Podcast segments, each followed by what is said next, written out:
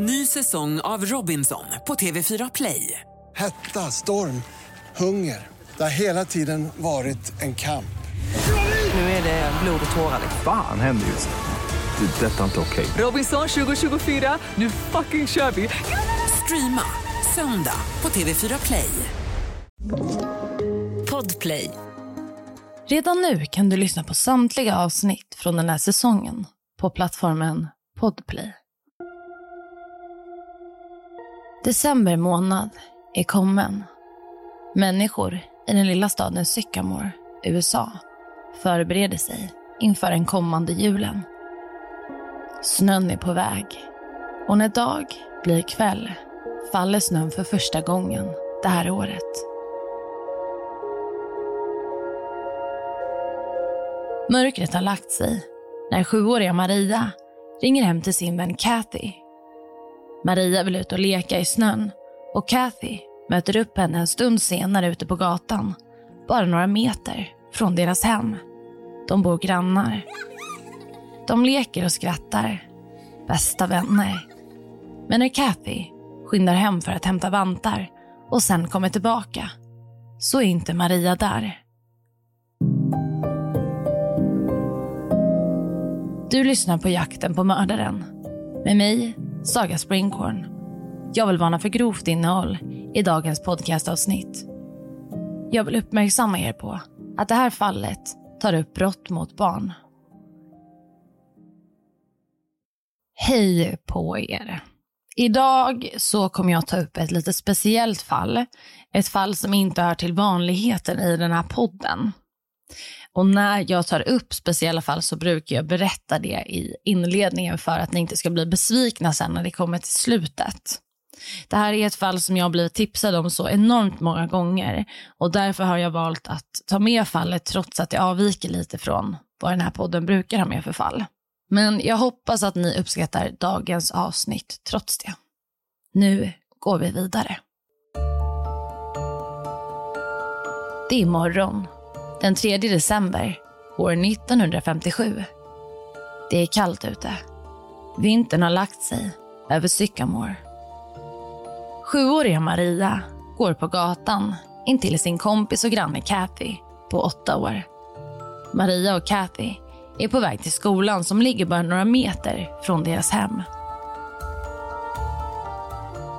När skoldagen nått sitt slut går de två flickorna hem till Maria och skär ut pappersfigurer formade som snöflingor. Runt klockan 17.00 beger sig Kathy hemåt. Hemma hos Maria har middagen precis blivit klar och familjen samlas runt bordet. Kvällen till ära serveras det kanin med potatis, morötter och mjölk. Marias favoriträtt. Men Maria har bråttom med att få i sig middagen. Hon är ivrig och vill gå ut och leka med Kathy. Utanför fönstret faller den första snön.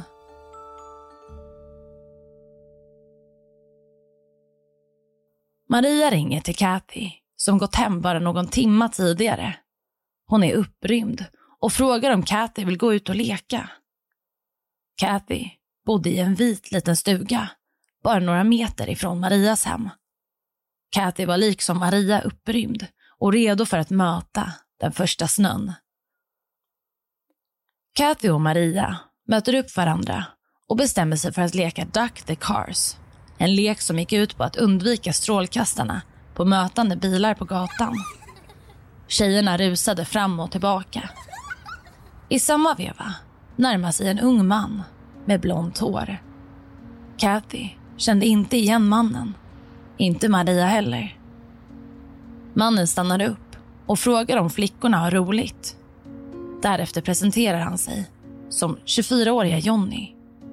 Han säger att han är ogift och frågar sen om flickorna vill hoppa upp och rida på hans rygg. Sjuåriga Maria tycker att det låter roligt och hoppar upp på Jonnys rygg. Han travar med flickan på ryggen, fram och tillbaka. Maria skrattar och fnissar under åkturen. Jonny släpper ner henne och Maria bestämmer sig för att springa hem och hämta en docka som ska vara med under nästa åktur. Maria bodde bara tre dörrar ifrån platsen. När Maria springer hem står Kathy och Johnny kvar på gatan och väntar. Johnny frågar om Kathy vill gå en promenad eller kanske åka en sväng i hans bil. Kathy är ganska snabb med sitt svar. Hon säger nej. Hon vill vänta in Maria. Johnny ger Kathy komplimanger. Han tycker att hon är vacker. Maria stormar in genom ytterdörren. Hon är på gott humör och har bråttom. Marias pappa sitter i vardagsrummet och tittar på en film. Hennes mamma läser tidningen. Allt verkar vara i sin ordning. Varken Marias pappa eller mamma förstår att de två flickorna fått kontakt med en ung man ute på gatan. Maria drar ner handen i högen av leksaker för att leta rätt på sin favoritdocka. När Marias mamma Frances ser att Maria tänkt ta med sig sin favoritdocka ut så föreslår hon att Maria istället ska ta en docka i gummi som tålde snön lite bättre. Och så blev det. När Maria kommer tillbaka så vill Kathy springa hem och hämta sina vantar. Kathy frågar om Maria kan följa med, men det vill hon inte. Hon vill stå kvar på platsen med Johnny. I hemmet letar Kathy upp sina vantar och beger sig ut på gatan igen. Men när hon återvänder till platsen där hon lämnat Maria och Johnny är ingen där. Kathy börjar ropa på Maria. Hon börjar springa längs med gatan för att se om Maria är någonstans. Det är mörkt ute och mild snö faller från skyn. Kathy förstår att det här är allvarligt. Maria är borta. Hon springer hem till Marias hus. Hon bankar på och berättar att Maria är försvunnen. Marias familj tänkte sig till en början att det inte var så allvarligt. Maria hade nog bara velat spela dem ett spratt. Kanske hade hon gömt sig för att hoppa fram och skrämma dem alla. Marias mamma skickar ut Marias storebror Chuck på 11 år och Chucks kompis Randy för att leta efter Maria. Pojkarna letar, men de kan inte hitta henne. Kathy går hem då Marias bror och kompis tagit över sökandet efter Maria. Hon berättar för sin mamma Flora om den där mannen, Johnny, som han kallade sig för. Och där stannar vi upp. Cirka ett år tidigare så har Marias familj varit med om en liknande situation. Maria hade tappat bort sig när hon strosat runt i området så familjen hade varit tvungna att kontakta polis. Marias pappa är därför lite motvillig till att ta kontakt med polisen nu när Maria försvunnit igen.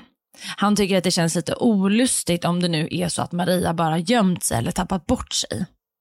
Men Marias mamma Frances låter oron överrösta sin man. Så familjen tar kontakt med polisen och anmäler Maria som försvunnen runt klockan 20.10. Alltså 10 över 8 på kvällen. Samtidigt som allt det här sker så är Marias bror Chuck fortfarande ute och letar efter sin syster. Han springer fram och tillbaka i kvarteret, går till skolan och ser efter och snart hittar han något utanför ett garage bakom sitt eget hus. Där ligger det en docka.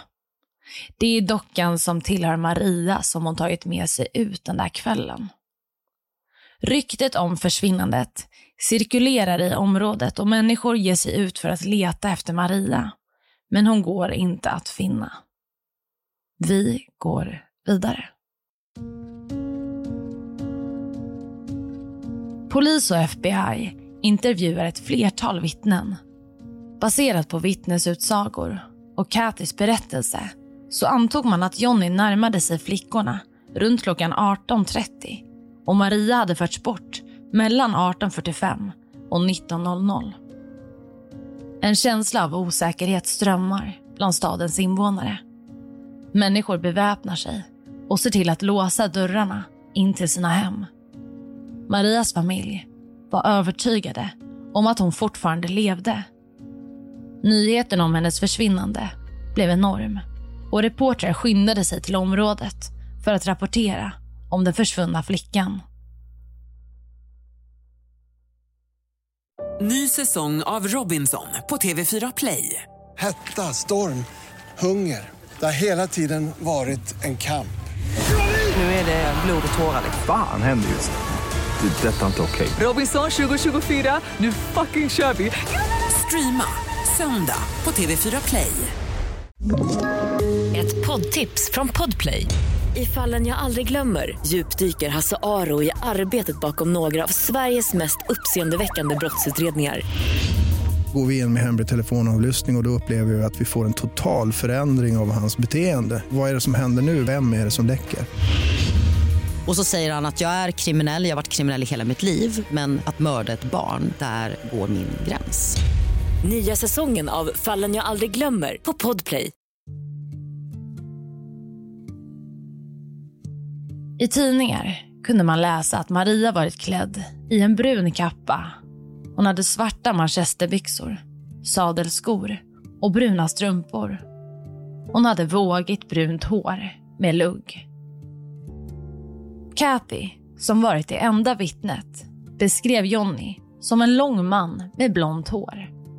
Han bar en randig tröja i grönt, gult och blått. Då Kathy varit den enda personen som sett Johnny blev utredarna och polis oroliga för att Johnny eventuellt kunde komma tillbaka och skada Kathy. Hon sattes därför i ett skyddsförvar. Kathy fick titta på bilder av personer som tidigare dömts för brott. Personer som kunde vara intressanta för utredningen. Hon fick titta på hundratals bilder. Hon minns hur hennes mamma sagt följande. Citat. Kom ihåg hans ansikte, Kathy.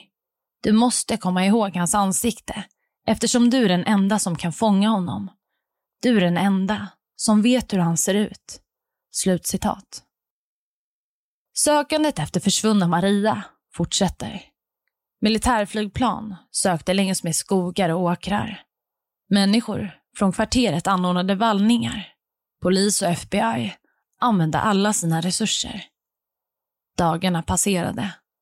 Marias mamma vädjade i pressen till den som fört bort hennes barn. Hon sa bland annat, citat.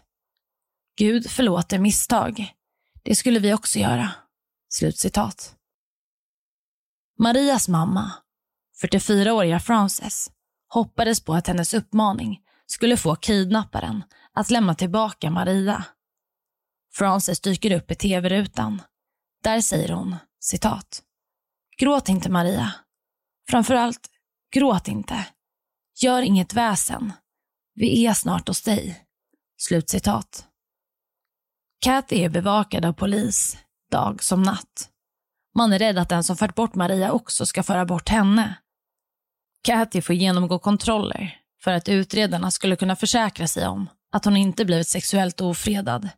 Något som man inte heller finner tecken på. Dockan, som Marias bror hittat, bara 500 meter från platsen som Maria försvunnit ifrån, skickades in på analys. Men utan någon träff som leder polisen närmre en gärningsman. Tre dagar efter att Maria försvunnit får polisen in ett anonymt samtal. En kvinna berättar om en pojke vid namn John som bor i området.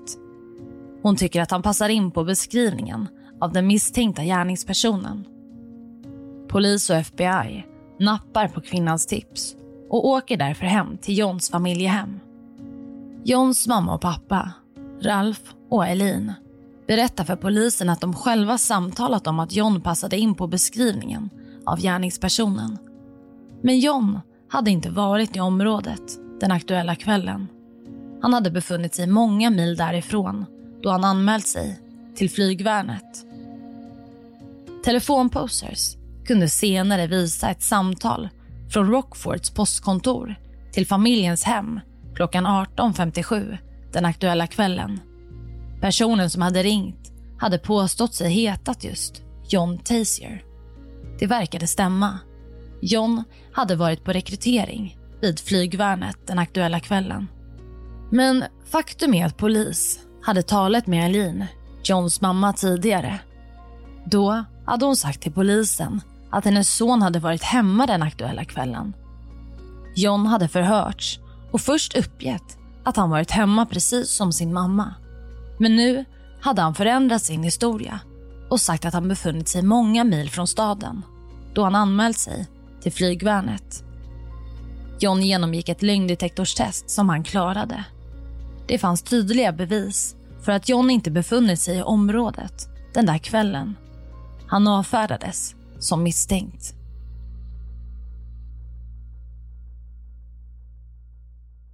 Veckor passerade.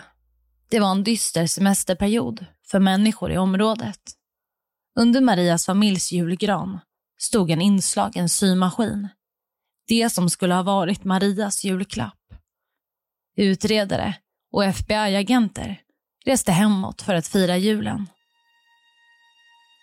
Vinter blir till vår och fortfarande inget svar på vad som hänt med den lilla flickan. Nästan fem månader senare från att Maria försvunnit, den 26 april år 1958, så hittar man slutligen Maria. Det är en bonde och hans fru som gör den sorgliga och makabra upptäckten. De hade varit ute och röjt undan skog på sitt markområde, cirka 15 mil från staden Sycamore, där Maria bott tillsammans med sin familj. Bonden och hans fru fick då syn på något under ett nedfallet träd. Rester från en liten kropp. Det fanns inte mycket kvar av Maria. Men på fötterna satt ett par bruna strumpor. De som hon haft på sig när hon försvunnit. Tandjournaler fastställde att det var Maria som hade hittats. Obduktionen kunde inte klargöra hur Maria dött. Men en sak var tydlig. Hon hade bragts om livet. Marias kvarlevor lades ner i en vit träkista och hennes begravning hölls en varm dag under våren. Flera hundratals människor samlades för att ta farväl av Maria. Även Kathy var där med polisskydd. Ja, Kathy är ju det enda vittnet och månader har nu passerat. Och det ska passera år. Kathy kan inte släppa allt som hänt och hon längtar efter att få flytta från staden Sycamore. Hon vill inte leva i staden längre. Och år 1961 så flyttar hon och hennes familj från det aktuella området till utkanten av staden. Kathy kan fortfarande inte släppa allt som hänt men hon försöker bygga upp ett liv och på något sätt gå vidare. När hon är tonåring så träffar hon en ung man på en bowlinghall. Mannen hette Mike. Mike och Kathy intresserar sig för varandra och blir snart kära. Men Mikes mamma säger till sin son att hon inte tycker att han ska dejta Kathy. Hon är ju den där flickan som varit med Maria när de försvunnit. Mikes mamma tycker att det hela är mycket olustigt. Men Mike vill trots det vara med Kathy. År 1969 så får Kathy på riktigt lämna staden Sycamore. Hon och Mike flyttar från Texas och gifter sig. De reser runt lite och bor på olika platser. Men de återvänder sen till staden för att ta hand om sina föräldrar som blivit äldre. Tillsammans får Kathy och Mike tre barn. Så tiden går och Kathy växer upp till en vuxen, självständig kvinna. Men mordet på Maria är något som hon inte kan släppa. Vi går vidare. Året är nu 1994. Det hade gått nästan fyra decennier sedan Maria kidnappats och mördats. Eileen, hon som tidigare berättat för polisen om att hennes son John varit iväg vid luftvärnet den där dagen då Maria försvunnit, ligger nu på sin dödsbädd. Runt sig har hon sina tre döttrar. Eileen sitter på en hemlighet som hon måste få ur sig innan hon möter graven. Eileen börjar prata hon säger att det var John som gjorde det. Hon ber sina döttrar att lova henne att sanningen kommer fram. Döttrarna förstod att allting handlade om mordet på Maria. Eileen behövde inte ens nämna hennes namn för att döttrarna skulle förstå. Ny säsong av Robinson på TV4 Play. Hetta, storm, hunger. Det har hela tiden varit en kamp. Nu är det blod och tårar. Fan händer just. Det. är Detta är inte okej. Robinson 2024, nu fucking kör vi! Streama söndag på TV4 Play. Ett poddtips från Podplay. I podden Något Kaiko garanterar östgötarna Brutti och jag, Davva, dig en stor dos skratt. Där följer jag pladask för köttätandet igen. Man är lite som en jävla vampyr. Man har fått lite blodsmak och då måste man ha mer. Udda spaningar, fängslande anekdoter och en och annan arg rant. Jag måste ha mitt kaffe på morgonen för annars är jag ingen trevlig människa. Då är du ingen trevlig människa, punkt. Något Kaiko, hör du på Podplay. Därför är gardinerna. När Eileen somnat in bestämde sig systrarna för att kontakta FBI. Efter samtalet valde FBI att kolla igenom det mycket gamla fallet. Men i utredningsdokumenten som FBI nu gick igenom framkom det att John varit iväg för att anmäla sig till flygvärnet den aktuella kvällen för mordet. Det var därför inte av intresse för FBI att återuppta fallet. Men systrarna tänkte inte ge upp. De kämpade i många år för att få någon att lyssna till det de hade att berätta. För systrarna visste hur John var. Systrarna hade levt i samma hem som personen. Systrarna hade levt i samma hem som honom och blivit sexuellt utnyttjade av sin bror flera gånger. De hade genomgått en skräckfylld uppväxt tillsammans och nu var de fast beslutna om att sätta dit honom för mordet på Maria. När år passerat mötte de en polis som äntligen ville lyssna till deras historia. Polisens namn var Brian Handley. Han satte sig ner och bad systrarna berätta.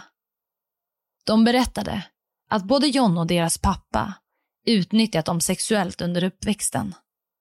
John och deras far var som kopior av varandra. Systrarna hävdade att deras mamma Eileen känt till övergreppen, men hon hade inte gjort något för att skydda dem.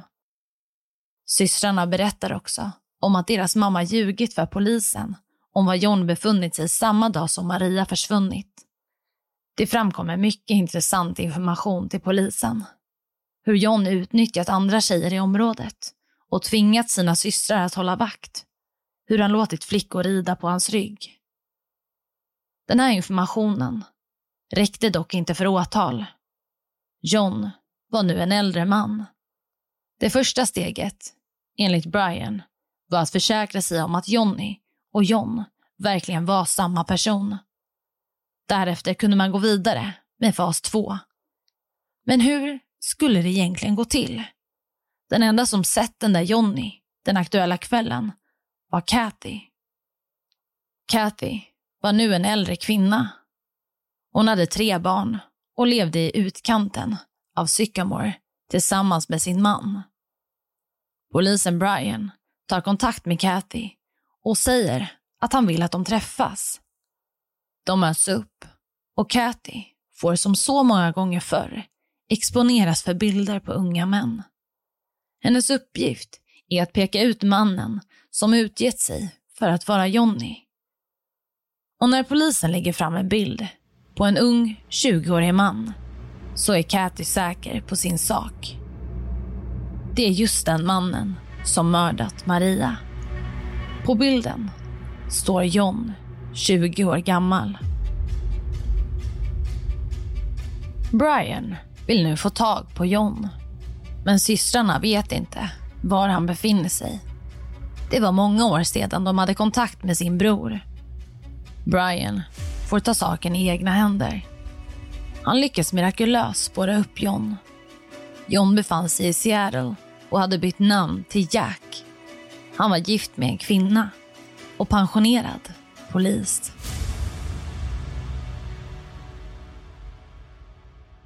John hade ju, som precis nämnt, bytt namn till Jack.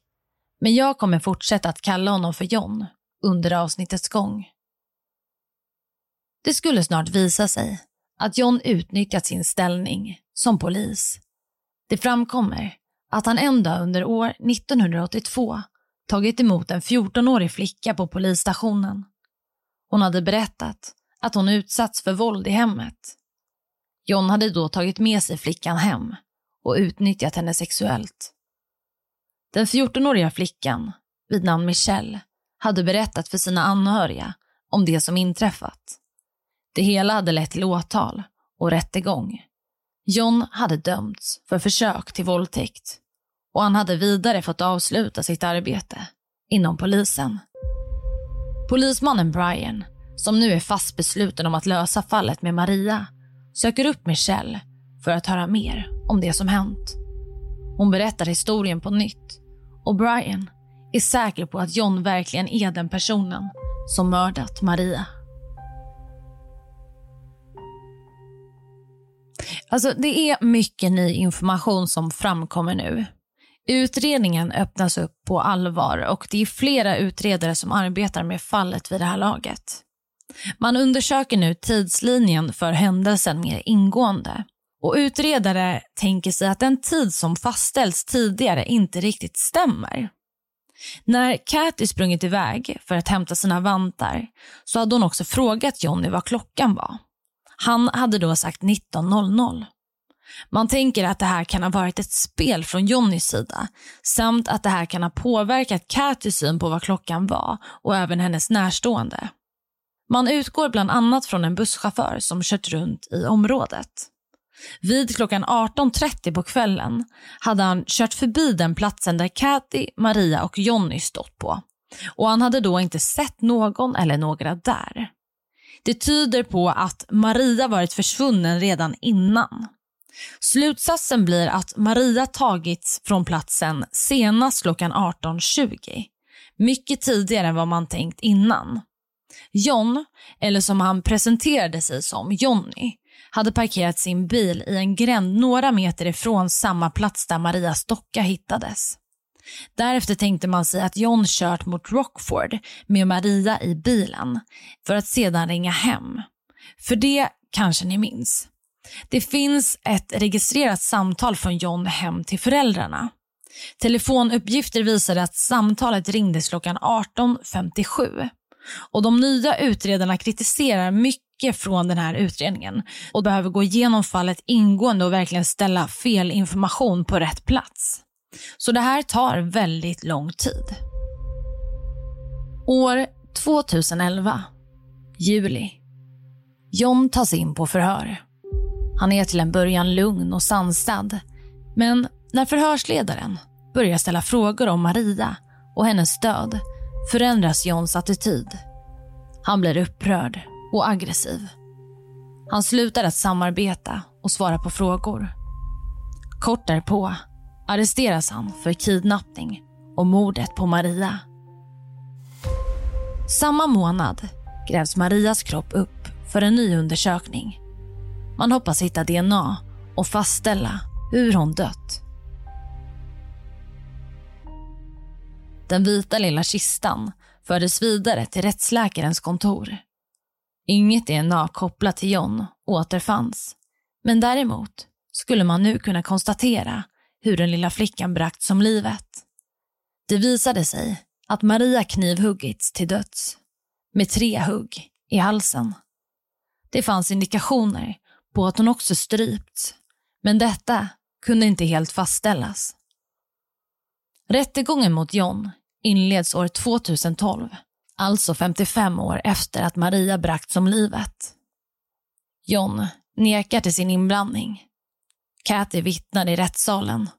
Hon får återigen berätta om den där kvällen, om den händelsen som hon berättat om så många gånger förr. Hon är trovärdig och tydlig i sitt framförande. Hon är helt övertygad om att John är personen som utgett sig för att vara Johnny. Den personen som kidnappat och mördat Maria. John hade suttit häktad i flera månader i väntan på rättegången.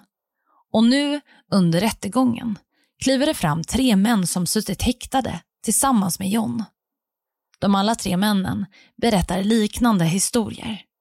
Att John erkänt att han varit den som dödat Maria.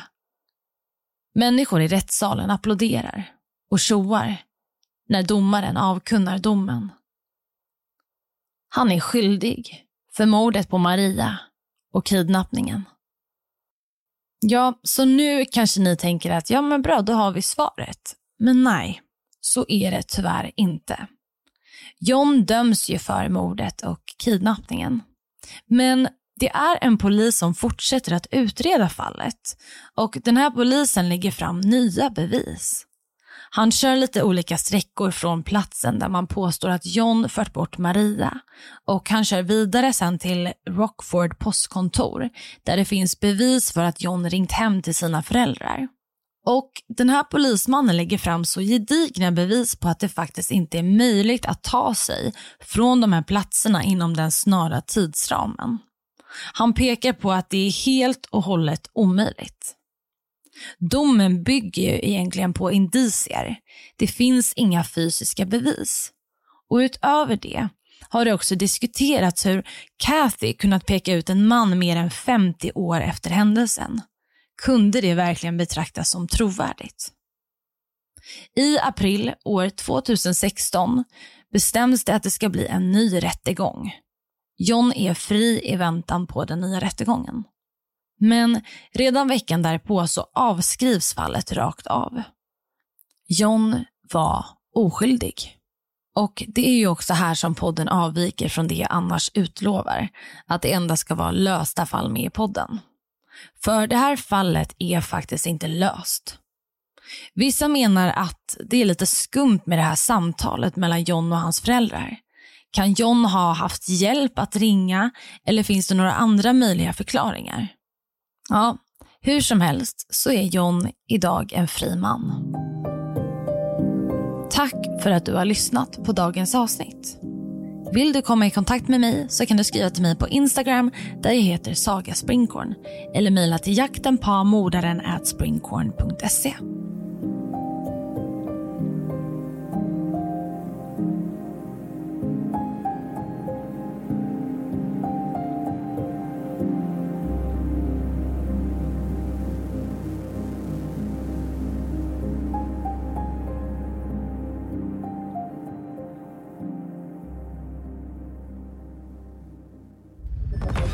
Podplay, en del av Power Media.